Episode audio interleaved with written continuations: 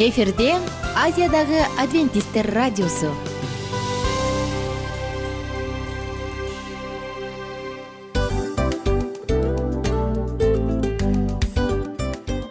Достор салют.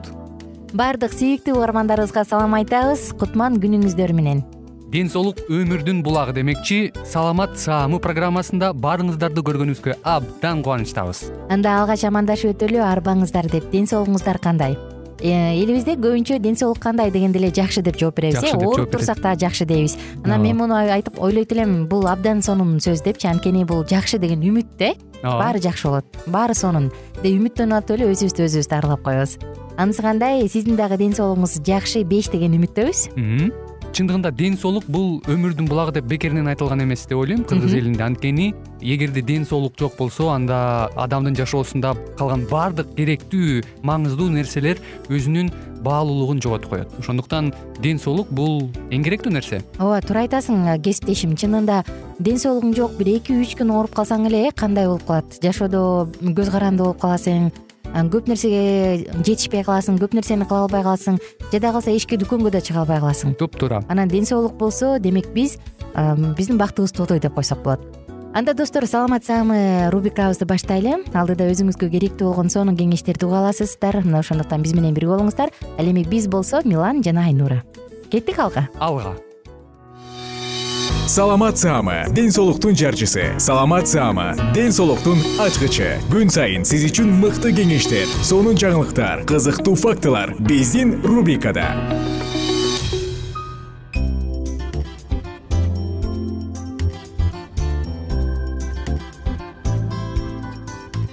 салют достор. Жалпыңыздар менен кайрадан амандашканыбызга кубанычтамын. Бүгүнкү тема мээни химиялык таасирлерден сактоо темабызды мурунку уктуруубузда андан ары улантабыз анткени адамдын мээси баардык эң эле денеде болуп жаткан буйруктардын кыймылдардын баардык нерсенин үстүнөн контролдоп көзөмөлдөп турган укмуштуу орган.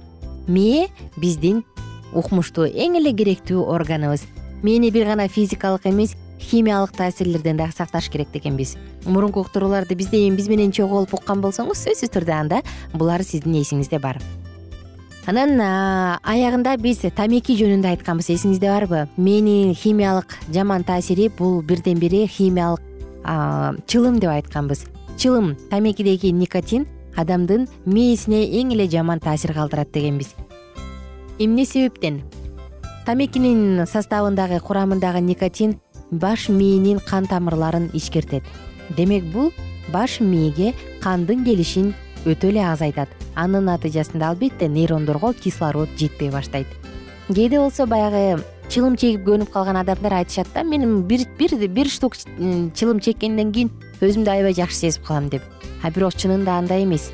Мээге акырын жай барган ууларды берип атасыз. Ал уу болсо нейрондорду өлтүрөт. Андан сырткары достор дал ушул чылымда ээн жүргөн радикалдардын булагы болуп эсептелишет. Ээн жүргөн радикалдар көп. Алар болсо нерв клеткаларын уулантат жана өлтүрөт. Мына ушул себептен улам дагы эң эле көп тамеки чеккен адамдардын көп бөлүгү альцгеймер жана башка деменциянын башка формаларына эң эле көп чалдыгышат. Караңызчы мээге кандай гана атака кылат дагы бир химиялык таасирлердин бири үчүнчүсүн айта турган болсок бул наркотик же баңги заттар. Албетте алкоголь чылым сыяктуу легалдык баңги заттар бар э? Андан сырткары дагы миңдеген миллиондогон түрлөрү бар. Алардын баары тең мээге терс таасир тийгизет. Мисалы кокаин героин амфетамин гашиш марихуана синтетикалык баңги заттар. Булардын баардыгы тең түздөн түз нейрондорго кол салат алар менен дайыма колдонуп көнүп калган адам. Албетте достор акылы өтө эле азаят жана акыл эси оң иштебей баштайт. Төртүнчүдөн таң калат болушуңуз керек. Бирок мен дагы таң калгам муну укканда анан сиз дагы таң калат болушуңуз керек. Химиялык терс таасир тийгизген заттардын бири төртүнчүсү бул кофе жана кофеин бар баардык суусундуктар кээде ойлойсуң э кофенин кофеиндин бир аз эле дозасы камтылган кофе мисалы же суусундуктар биздин тынчсызданганыбызды алып салат биздин ой топтогонубузга жардам берет деп. Бирок доза көбүрөөк көбүрөөк бир аз эле көбөйүп кала турган болсо анда нервоздук болот жана тескерисинче тынчсыздануу пайда болот экен. Кофеин адреналиндердин көп иштелип чыгышына жардам берет. Бул болсо аны улам улам кайталай берүү адреналин же болбосо жана башка сыяктуу нерселердин баардыгы тең нерв системасын өтө чарчатат жана стресске реакцияны төмөндөтүп коет. Элестетип көрүңүз кофеин бул чыныгы даана эле чыпчыныгы наркотик баңги зат экен. Бул психоактивдик элемент же зат. Ал мээнин иштешинин нормалдуу иштешинин баардыгын тең өзгөртүп коет. Жана албетте өзүнө көнүп алууну чакырат экен кээде э, кофеман кофени көп ичкен адамчы кофеге көз каранды кофеман кофени ичпей койсо өзүн анда абстиненттик синдром пайда боло баштайт. Байкасак керек э өзүнчө эле жаман болуп бир нерсесин жоготуп койгонсуп бир нерсе жетишпей жаткансып баягы тамеки же башка наркотикалык заттарды колдонгон адам сыяктуу тынчсыздана баштайт. Көрсө кофе баш мээнин тамырларын ичкертет экен. Ага кан жетпей калат анын натыйжасында кислород нейрондор кислород менен камсыздалбай калат. Достор эгерде сиздер бир аз энергиям толсунчу энергияга толоюнчу бир аз уйкум ачылсын деп иче турган болсоңуз анда өтө эле туура эмес кыласыз кофеин уйкусуздукту дагы чакырат адамдын уйкусун бузуп кое алат ал эми балдарда болсо кофеин тынчсыздыкты жана гиперактивдүүлүктү пайда кылып коет көп кофе ичкен адам кофеман депрессияга өтө эле бат берилет. Анын абалы укмуштуу мындай ачуулуу тынчсыз болот дагы психикалык бузулууларга чейин дуушар болот. Мына ошондуктан достор кофени ашыкча ичүү өтө эле коркунучтуу. Ошентип отуруп кофенин дагы бир нече же кофеиндин деп айтайынчы кофеиндин дагы бир нече зыяндуу жактарын айтсак ал жүрөккө өткө сөөгкө дененин кайсы бир бөлүктөрүнө жана ошондой эле мээдеги кандын циркуляциясына терс таасир тийгизет эгерде адамдын кан басымы жогору боло турган болсо үч же андан көбүрөөк чашка кофе ичип койсо бир күн ичинде. Анда албетте ал адам инсульттан же башка мээнин эмболиясынан качып кутулууга мүмкүн эмес болуп калат. Достор сиздер менен бирге химиялык таасирлерди айтып отуруп бир аз корктук болуш керек э эми химиялык таасирдин алдында калган мээбизди кантип кайрадан калыбына келтиребиз дейбиз. Албетте мындай учурда биринчи кезекте эле кофеден чылымдан алкоголдук ичимдиктерден баңгизаттардан баш тартыш керек. Мында алардан баш тарткандан кийин дагы алардын курамындагы уулуу заттар биздин каныбызда бир топко чейин кала берет. Жана достор нормалдуу эластивдик кан тамырлар кайрадан мээни азыктандырган кан тамырлар өзүнө келиш үчүн үч төрт жума жума убакыт керек. Ошондуктан колдон келишинче мээнин кан тамырларынын өзүнө келишине убакыт берген жакшы.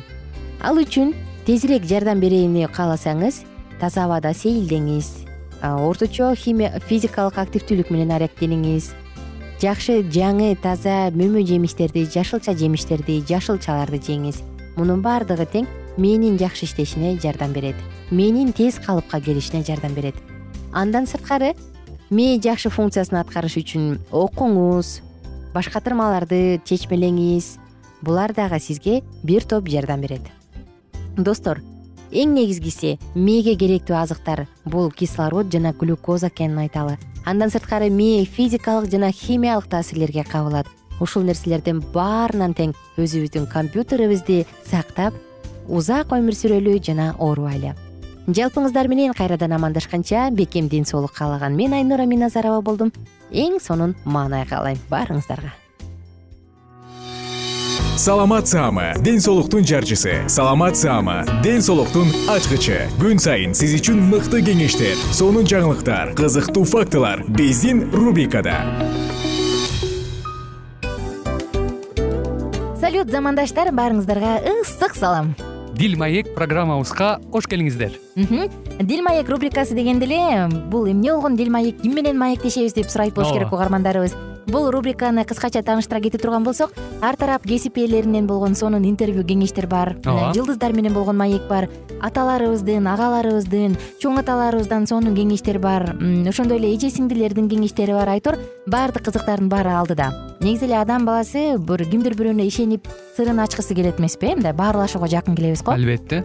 Негизи бир жерге отуруп алып кенен шашпай баягы жүрөктөн жүрөккө ачып сырларыбызды ар кандай көйгөйлөрүбүз менен бөлүшүп баягы чын жүрөктөн маек курганды кимибиз сүйбөйбүз э? Ооба десең ал нерсеге суусап да келебиз да. Ооба кээ бирде адамга чындыгында баягы э, ысык маек баягы жылуу маек жетишпейт да. Ошондуктан биз ушул рубриканы ойлоп тапканыбызда эң биринчи эле достор сиздер менен чын жүрөктөн бир маңыздуу темаларды козгоп кеткени э, кааладык. Ошондуктан ушундай сонун бир рубриканы тартуулап жатабыз. Анын үстүнө радио дагы сонун дос да анткени э, мындай учурда досуңа айтсаң досуң досуна айтат досу досуна айтат да анан бүт өлкө билип калышы мүмкүн го. А радио болсо сени сатпаган сенин айыбыңды ачпаган сенин сырыңды эч кимге айтпаган сонун дос мына ошондуктан биздин алдыдагы айта турган кеңештерибизди биздин досторубуздун кеңештерин угуп анан ал жака пикириңизди дагы калтырып кайрадан биз менен байланышсаңыздар болот. Деги эле жашооңузга эгерде кичине болсо дагы өзгөрүү алып моралдык жактан нравовалык жактан сонун бир кеңештерди алсаңыз демек биз максатыбызга жеттик. Ооба. Чыңгыз атабыз улуу жазуучу э, чыңгыз айтматов айткандай адам болуу бул күнүмдүк процесс экен. Күн сайын адам бойдон калуу бул адамзатка эң эле кыйын дейт э? э эң кыйын дейт. Чындыгында бунун э, негизинде адамдын эң баягы сапаттуулугу адамдын э, адамгерчилиги жана көптөгөн керектүү нерселер. Мына ошол темалар дагы бизде ушул дил маекте биз аларды да козгойбуз. Ден соолук жөнүндө да сүйлөшөбүз. Сөзсүз түрдө анан милан мырза негизи айтып коюшат го. Биз көбүнчө эмнени ойлонсок ошол нерсеге карата иш кылабыз го. Ооба. Анан анысы кандай? Балким бул радио баракчада кимдир бирөөнүн оюн текшергенге жардам берет кимдир бирөөнүн жүрөгүн текшергенге жардам берет. Балким кимдир бирөөгө жашоонун маңызын тапканга жардам берет айтор кызыктын баары алдыда бул жөн гана кыскача жарнама анда угармандарыбыздын баардыгын кийинки рубрикабызга чакырабыз. Ал эми кызматта маңдайымда отурган кесиптешим милан жана мен айнура. Анда эмесе биз даярдаган терең терең ойлор менен таанышууга кеттик. Алыс алыс баралык. Анда эмесе достор биз менен бирге болуңуздар алдыда эң кызыктуу маалыматтардын баардыгы бир нече мүнөттөр бою жалгыз гана сизге арналат мына ошондуктан жакшы маанай менен угууну каалайбыз. Үн алышканча жөнөдүк. Ар түрдүү ардактуу кесип ээлеринен алтын сөздөр жүрөк ачышкан сыр чачышкан сонун маек дил маек рубрикасында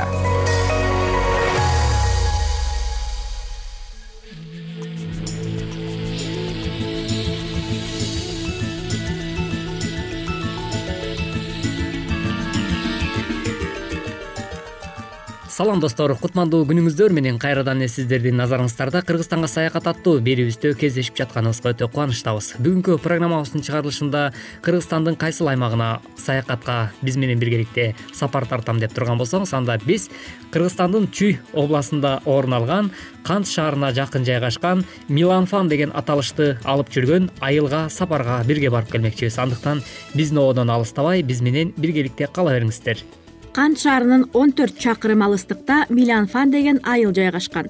Милянфан деген сөздү дунган тилинен которгондо күрүчтөрдүн өрөөнү дегенди түшүндүрөт. Бирок бул жерге барсаңыз айыл тургундары күрүч эмес башка жер жемиштерди өстүрүшүнө күбө болосуз.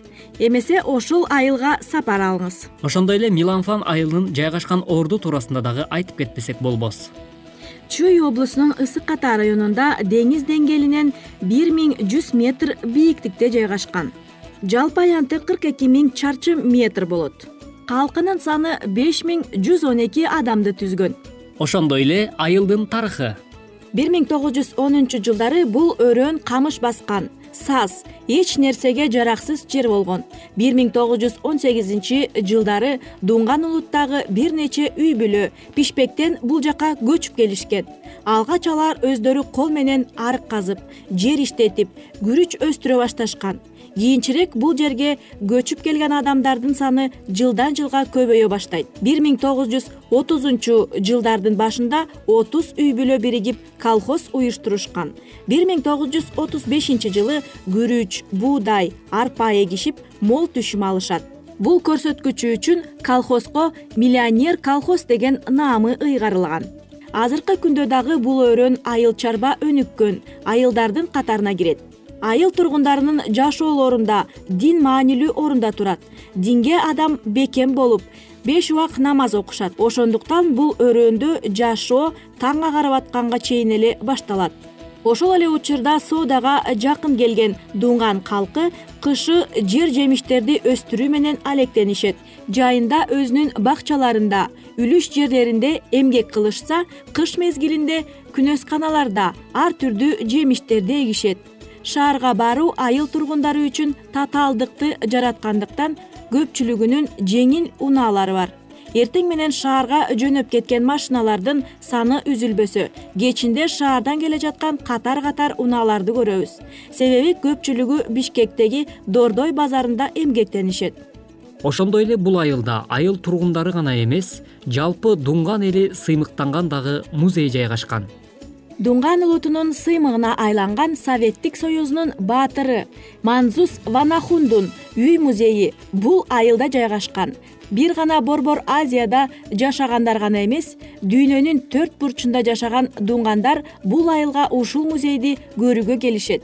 Себеби аталган музей жалпы дунган улутунун тарыхынын маданияттын чагылдырып турат манзус ванахун тууралуу кеп козгосок ал бир миң тогуз жүз жетинчи жылы пишпек азыркы бишкек шаарында дыйкандардын үй бүлөсүндө жарык дүйнөгө келген.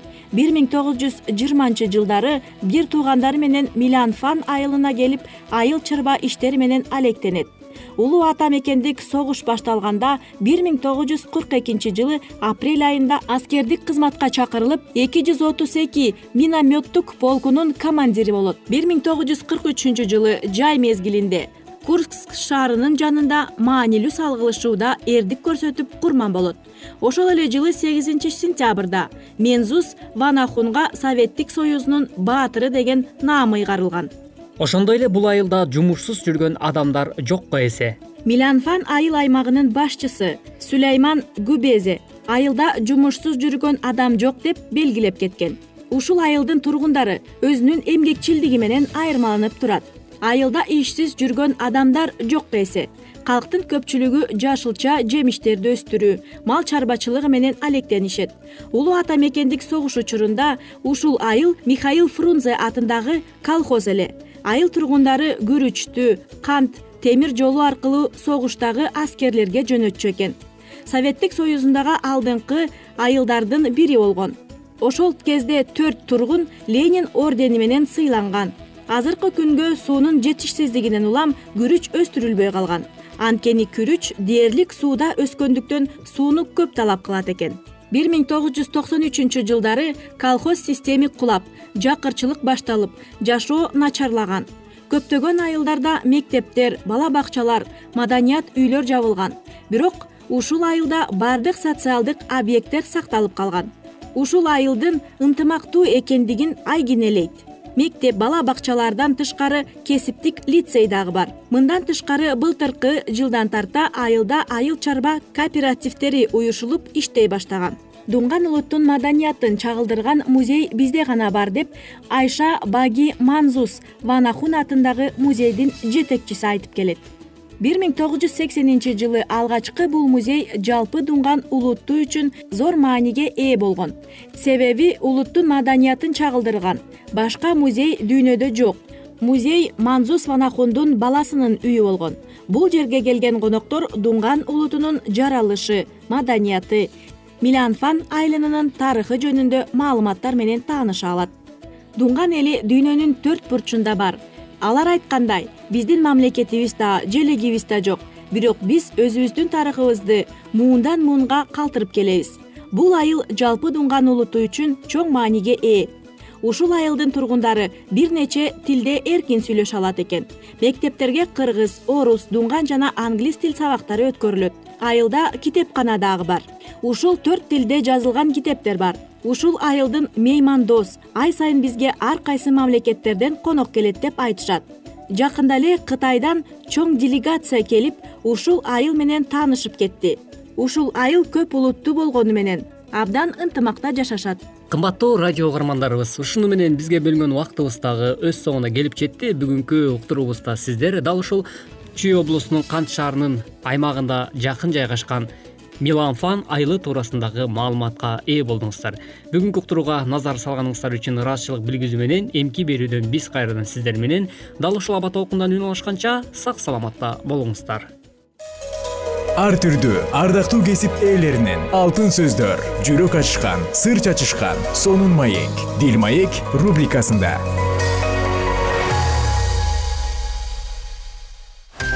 жан дүйнөңдү байыткан жүрөгүңдү азыктанткан жашооңо маңыз тартуулаган жан азык рубрикасы.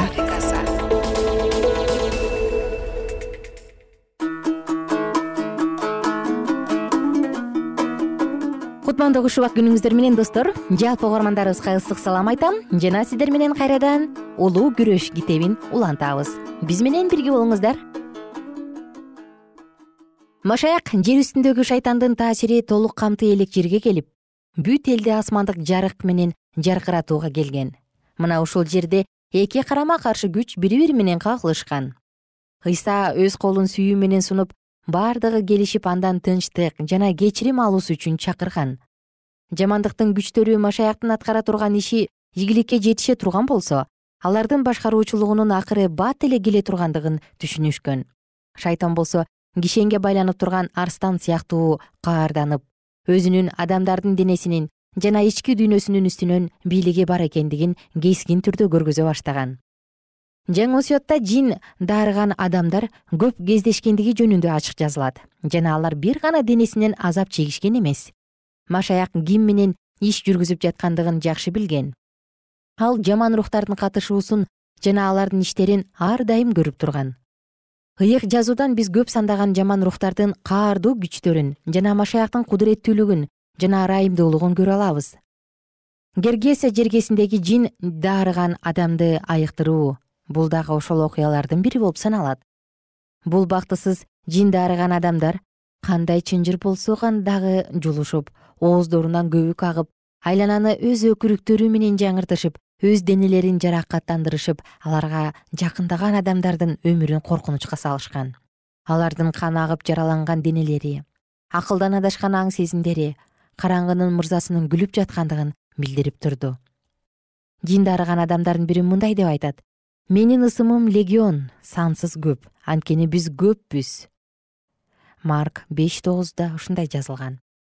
Рим аскеринде легиондо үч миңден беш миңге чейин адамдар болушкан шайтандын аскери дагы ар кандай бөлүктөргө бөлүнгөн жана бул адамдагы жиндер легиондон аз эмес болчу. Ыйсанын буйругуна баш ийүү менен жаман жиндер өз курмандыгын калтырышкан жана акылга келип тынчтыкта бул адамдар куткаруучунун бут алдында олтурушту. Бирок чочколордун ичинен кирүүгө уруксат берген жиндер чочколорду деңиздин түбүнө чөгөрүп жиберишти. Гыргесия жеринин тургундары үчүн бул жоготуу ушунчалык жогору болгондуктан алар машаяктын алкышын алуудан баш тартышкан. Жана кудайдан келген дарыгер бул жерди таштап кетүүгө аргасыз болду. Шайтандын умтулган максаты ушул болчу. Ыйсаны үйүрдү өлтүргөн катары айыптап адамдарда өзүмчүлдүк коркунучун туудурду. Жана алар кудайдан келген окутуучуну угуудан баш тартышты. Шайтан ар дайым жоготууларда кайгыларда өзүн жана өзүнүн жолдоочуларын айыптагандын ордуна машаякка ишенген адамдарды айыптайт. Ал качан ооруган баштан айыпты оорубаганына оодарып турат. Бирок машаяктын планы бузулуп калган жок. Ал жаман жиндерге чочколордун үйүрүн жок кылууга жол берди. Жана ошону менен киреше үчүн ушул таза эмес жаныбарларды бактырышкан иудейлердин айыбын ачты. Эгерде машаяк жиндерди токтотуп калбаганда алар деңизге чочколорду эле эмес бирок алардын кайтаруучуларын дагы чөгөрүп ташташмак. Бир гана машаяктын ырайымы жана боорукердиги аркасында алар тирүү калышкан. Андан тышкары бул окуя шакирттердин шайтан бир гана адамдарга эмес башка жаныбарларга дагы катаалдык каалап тургандыгын өз көздөрү менен көрүүсү үчүн болгон. Алар кездеше турган душмандын ким экендигин шакирттери жакшы түшүнүүсүн каалап анын кытмыр алдоолоруна азгырыктарына жеңилбеш үчүн машаяк кам көргөн.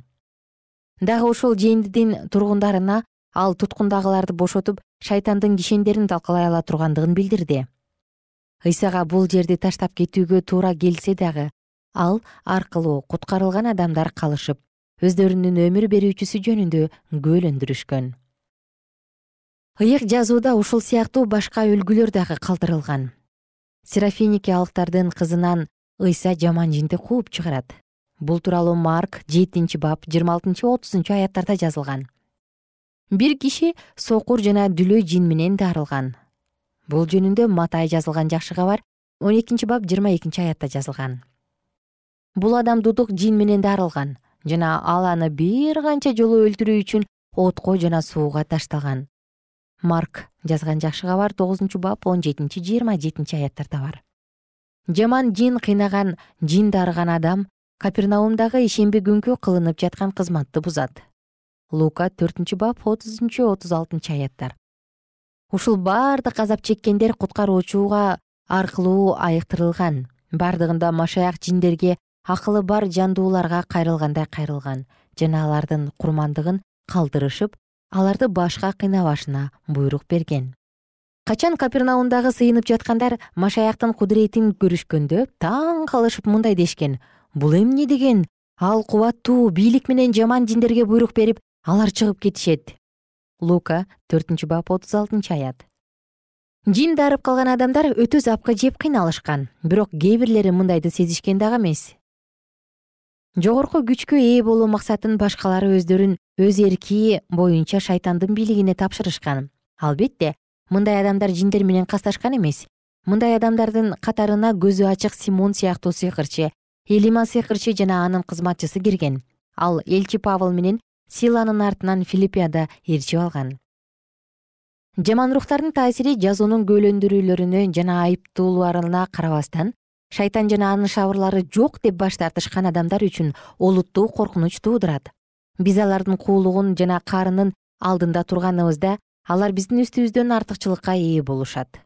Көпчүлүк адамдар алардын кеңеши жана сунуштары менен иш жасашат жана өз акылыбыз менен жетеленип жатабыз деп ойлошот эми шайтан болуп көрбөгөндөй күч колдонуп аракеттене турган күндөр дагы келет. Жана кайсыл гана жерде болбосун ал өзүнүн бар экендигине ишенбестик туудурууда шайтандын куулугу мына ушунда. Анткени ал жашыруун жана билинбестен иш жасоого аракеттенет. Кымбаттуу досум ардактуу угарман сиздер менен улуу күрөш китебинен үзүндү окуп өттүк. Жалпыңыздарга кааларыбыз көңүлдүү күн жана маанайыңыз эч качан түшпөсүн жашооңузда дайым жеңүүчү болуп жүрө бериңиз баардыгыңыздар менен кийинки уктуруудан амандашканча сак саламатта туруңуздар жана кийинки уктурууда баардыгыңыздарды чыдамсыздык менен күтөбүз. Көңүлдүү күн достор